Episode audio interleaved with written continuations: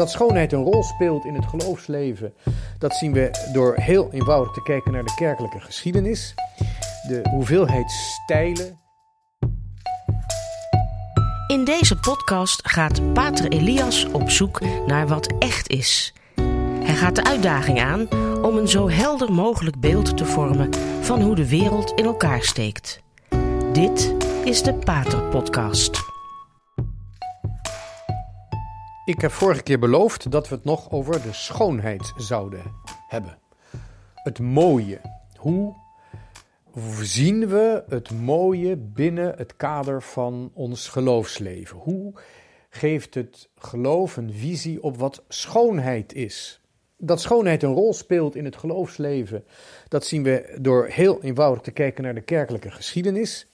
De hoeveelheid stijlen die in de kerk zijn uitgevonden, ook traditionele stijlen overgenomen, plaatselijke stijlen opgenomen in de christelijke kunst.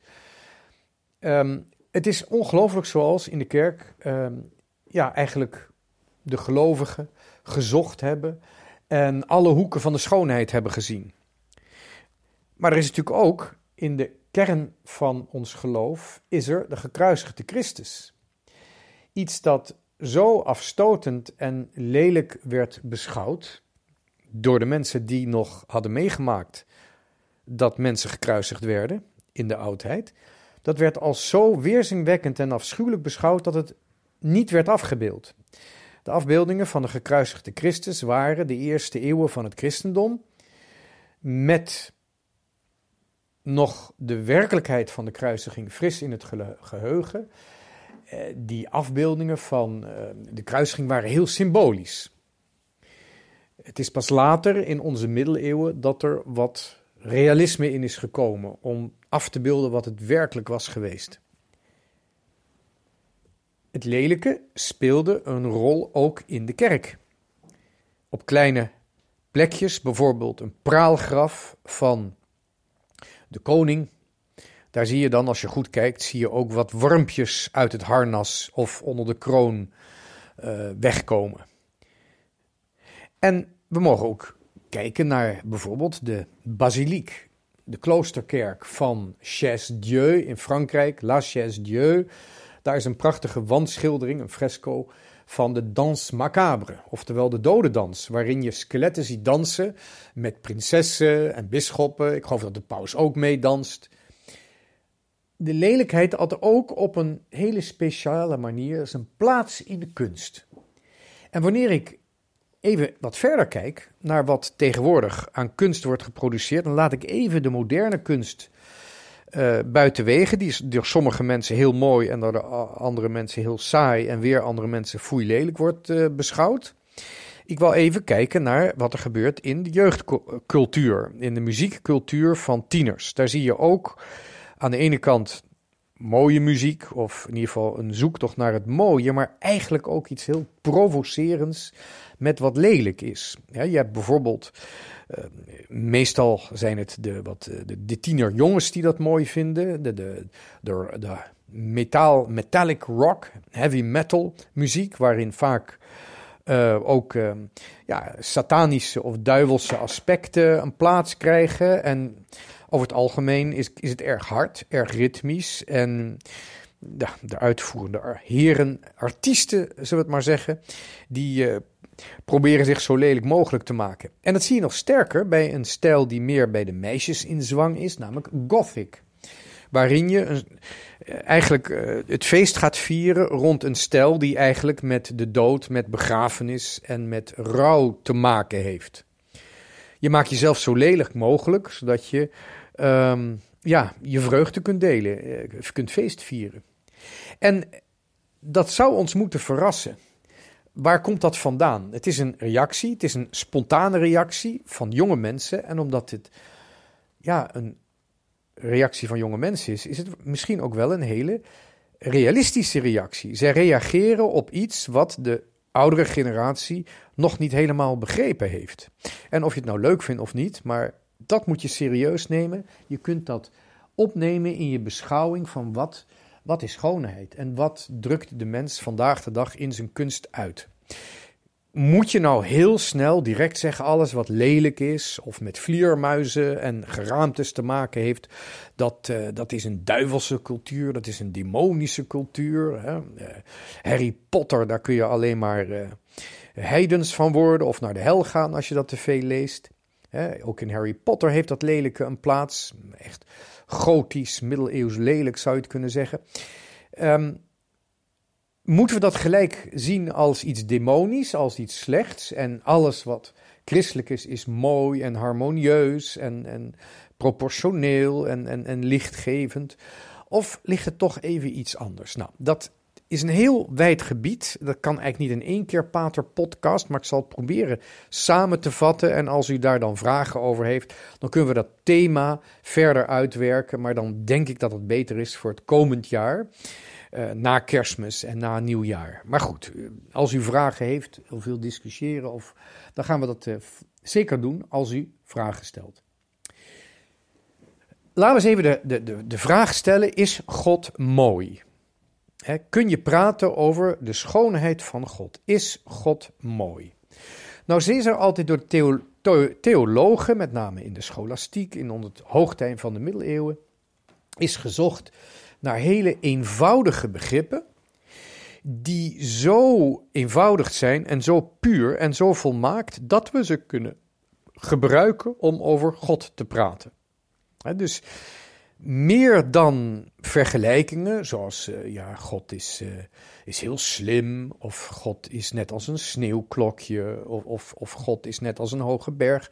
Laten we nou eens kijken, wat zijn nou menselijke begrippen verstandelijk, maar eigenlijk ook begrippen van ons hart.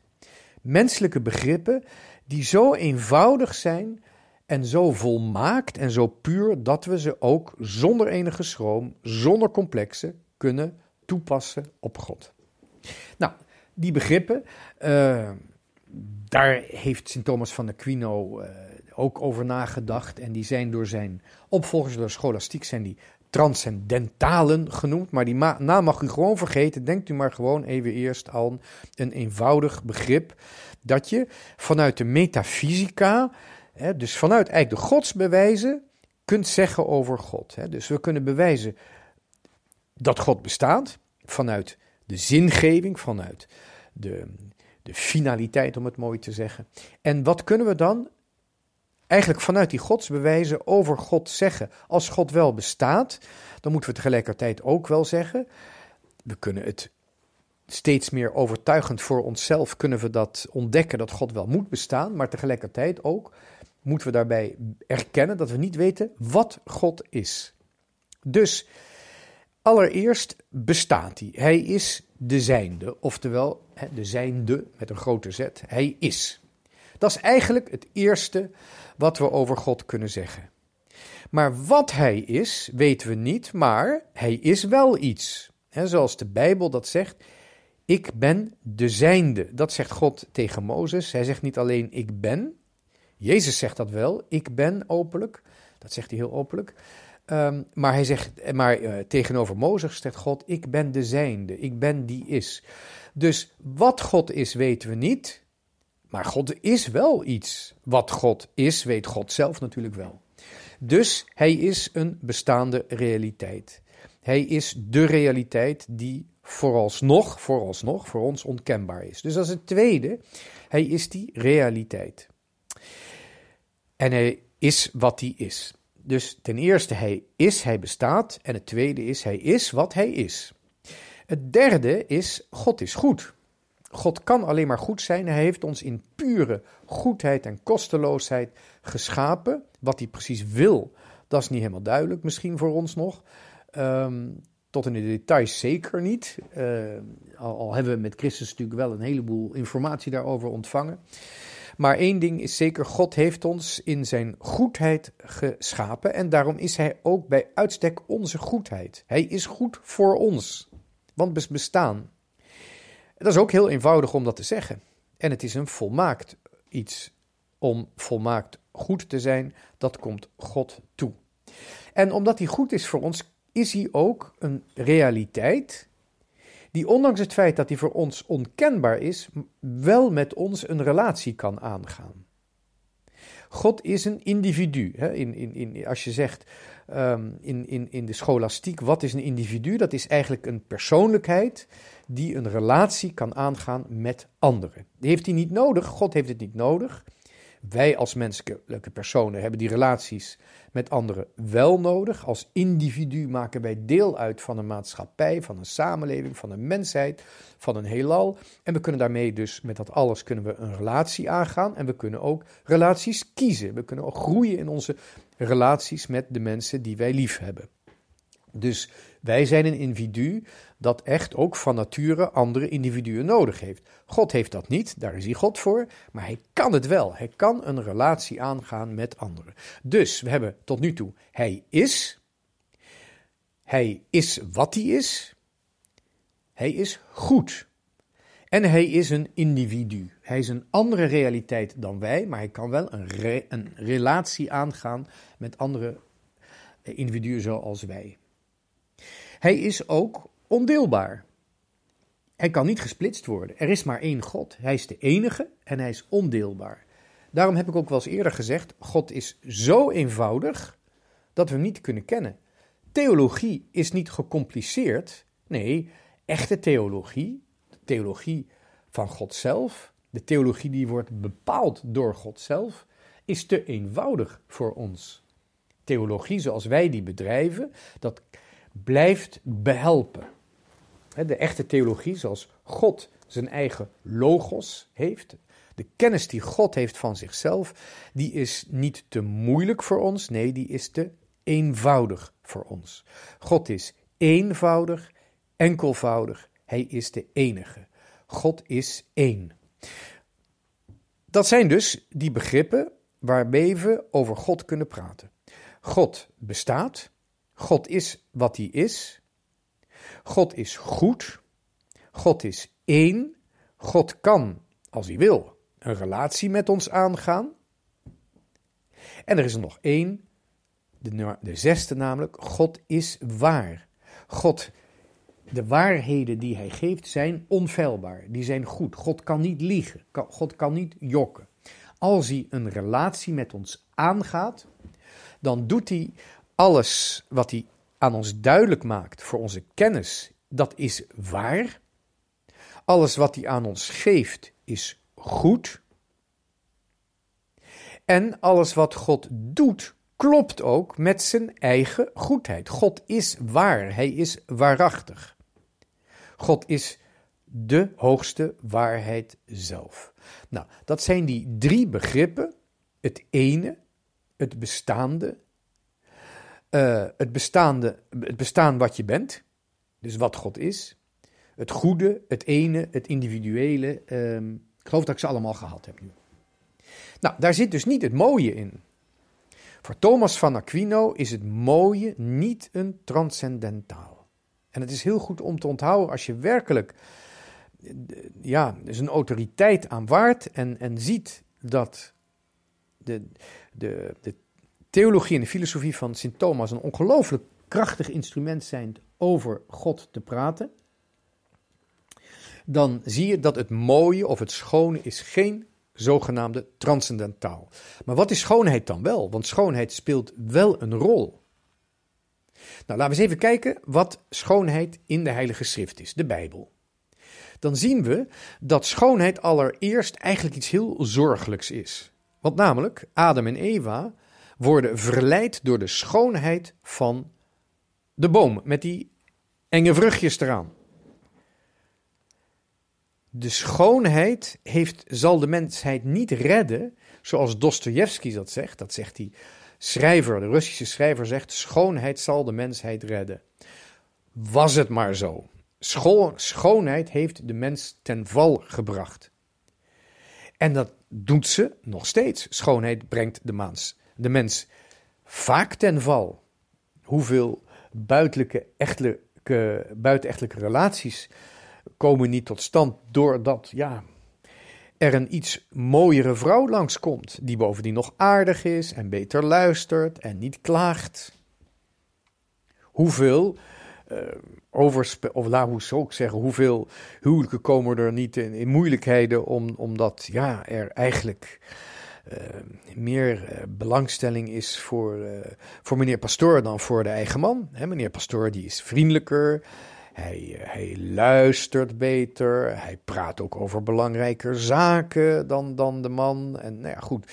Dat is ook een verleiding van een heleboel goedwillende dames. om een beetje verleid te worden door meneer eh, de priester. die wel erg, erg spiritueel mooi en, en geduldig en luisterend is. En ook niet drinkt en ook niet vecht en ook niet zweet. Dus schoonheid kan in ons leven een hele verraderlijke rol spelen. Maar aan de andere kant Laten we even wel wezen. De hele openbaring eindigt met schoonheid. Het hemelse Jeruzalem dat opgetooid is en uit uh, de hemel neerdaalt. Getooid met de goede werken van de mens. De, men, de, de, de rechtvaardige werken van de mens. Die tooien de kerk. En eigenlijk kun je daar hoef je de apocalyps niet voor te lezen, maar je kunt ook gewoon luisteren naar wat moeder Teresa heeft gezegd. Let's do something beautiful for God. Moeder Teresa heeft de meest lelijke en ongelukkige plekken in de wereld opgezocht, om daar met haar geloof de handen uit de mouwen te steken, het hart op de hemel te richten en iets moois te doen voor God. Dus het begint met een schoonheid die de mens ten val brengt. En het eindigt met een schoonheid die de mens in zijn liefde zelf maakt. Maar die schoonheid is niet zozeer belangrijk voor de mens, maar voor de bruidegom. En de bruidegom is de mensenzoon.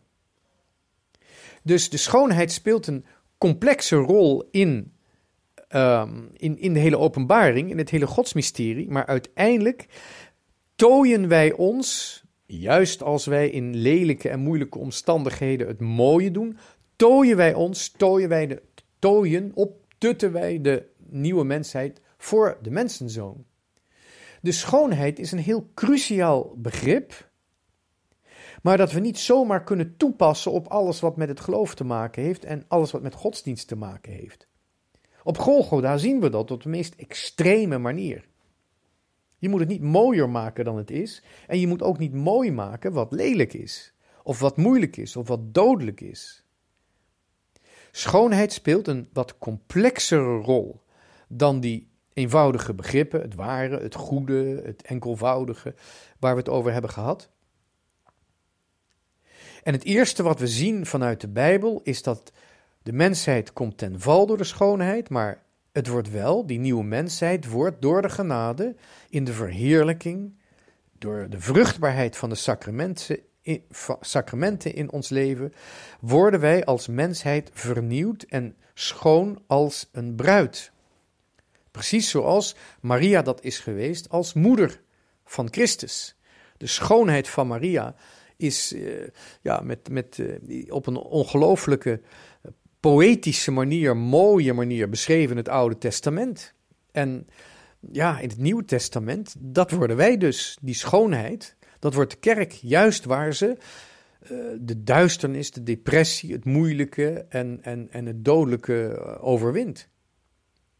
Dus als we dan even in onze stoel gaan leunen, wat is schoonheid? Ja, schoonheid is niet eenvoudig. Wat is schoonheid? Schoonheid is in feite, ja, je moet het zien. Het moet tastbaar zijn, het moet voelbaar zijn, het moet in zekere zin ook ruikbaar zijn. En ja, als we aan tafel zitten, moet het toch ook wel uh, smaakbaar zijn, hè, proefbaar zijn, hoorbaar als je mooie muziek hebt. Dus schoonheid is altijd een, ja, een, een materiële uiting van iets. Maar het is niet alleen uiterlijk. Het is ook innerlijk. Er hoort iets bij. Dat zeggen we dan. Het is iets wat immanent is. Het iets is wat van binnenuit komt. Het heeft een echte, authentieke bron in de mens. Schoonheid komt voort uit de innerlijkheid van de mens en vindt een uitweg in de belichaming op alle fronten, op alle manieren van de individuele mens en de mensen als gemeenschap. Het is heel belangrijk om dat te zien. En dat betekent dan ook, wat nu, laat ik het zo zeggen, nu kunnen we begrijpen wat decadentie betekent. Decadentie is de uiterlijkheden zijn er nog, maar de innerlijke bron is er niet meer. Het is echt alleen maar uiterlijk geworden. En decadentie, dat zie je op een gegeven moment in de kunst, dat het zo uiterlijk overdreven wordt dat eigenlijk geen plaats meer is voor de innerlijkheid. En in zekere vorm, laten we hè, kijken, dichter bij huis kijken. Het carnaval, zoals dat nu gevierd wordt, is ook een vorm van decadentie. Niet omdat er veel, te veel gezopen wordt, maar omdat de reden, de oorzaak, de reden, de betekenis van het carnaval is verdwenen. Wie gaat er nog vasten na flink uh, carnaval te hebben gevierd? Dat is, dat is ook een vorm van decadentie. Ik, het is helemaal niet zo dat het carnaval decadent is omdat het slecht gevierd wordt. Kan zijn, maar daar wil ik het niet over hebben.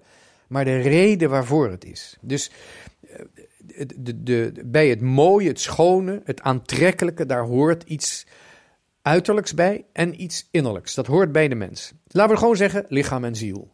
Maar er is nog een derde element. Schoonheid is een soort van drie-eenheid.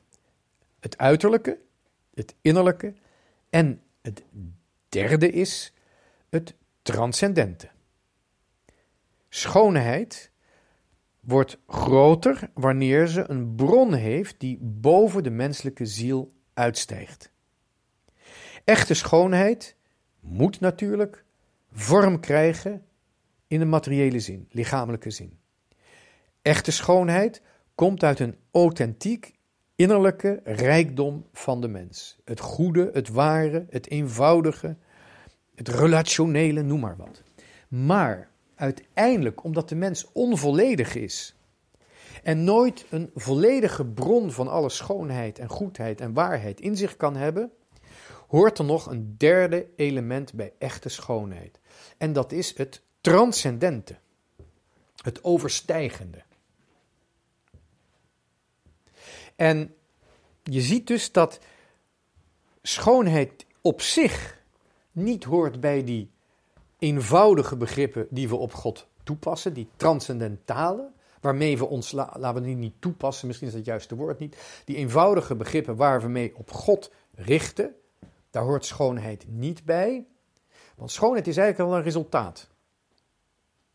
Schoonheid is niet een transcendentaal, maar schoonheid is een soort van weerspiegeling van de drie-eenheid in ons. Het is niet eenvoudig, het is drie-een. God raakt ons en hij raakt ons innerlijk. Hij raakt onze ziel. En omdat we dus met handen en voeten en ogen en oren en, en, en, en smaakpapillen en ook nog een neus zijn, um, en tastzin zijn, um, zijn uh, gebouwd, ja, gaat die innerlijkheid, die gaat zich ook uitdrukken op een bepaalde manier. En dat wordt dan de schoonheid. En wat speelt die lelijkheid dan voor rol? Nou, die lelijkheid, of ja, het een beetje afstotende of zo, dat speelt wel een rol om toch ons eraan te herinneren dat die bron in ons niet volledig is. Onze inspiratie zal nooit helemaal voldoende hebben aan onze eigen ervaring, aan onze eigen emotie, aan onze eigen waarheid, aan onze eigen liefde.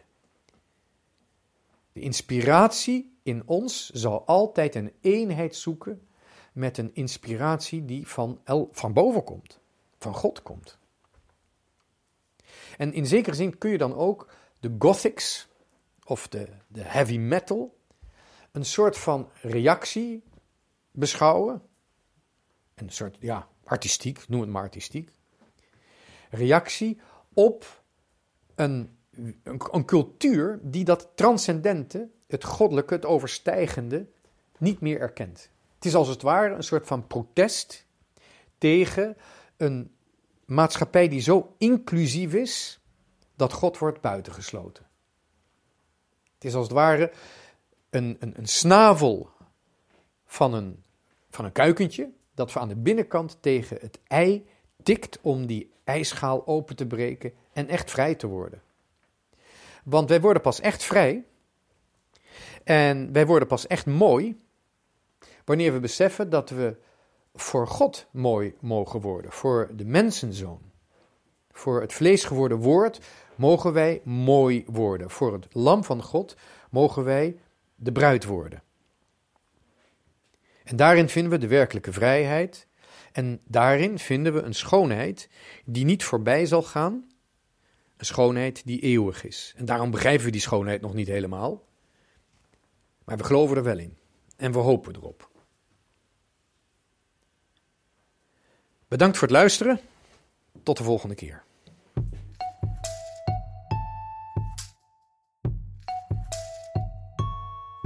Dit was de Radio Maria Pater Podcast met Pater Elias.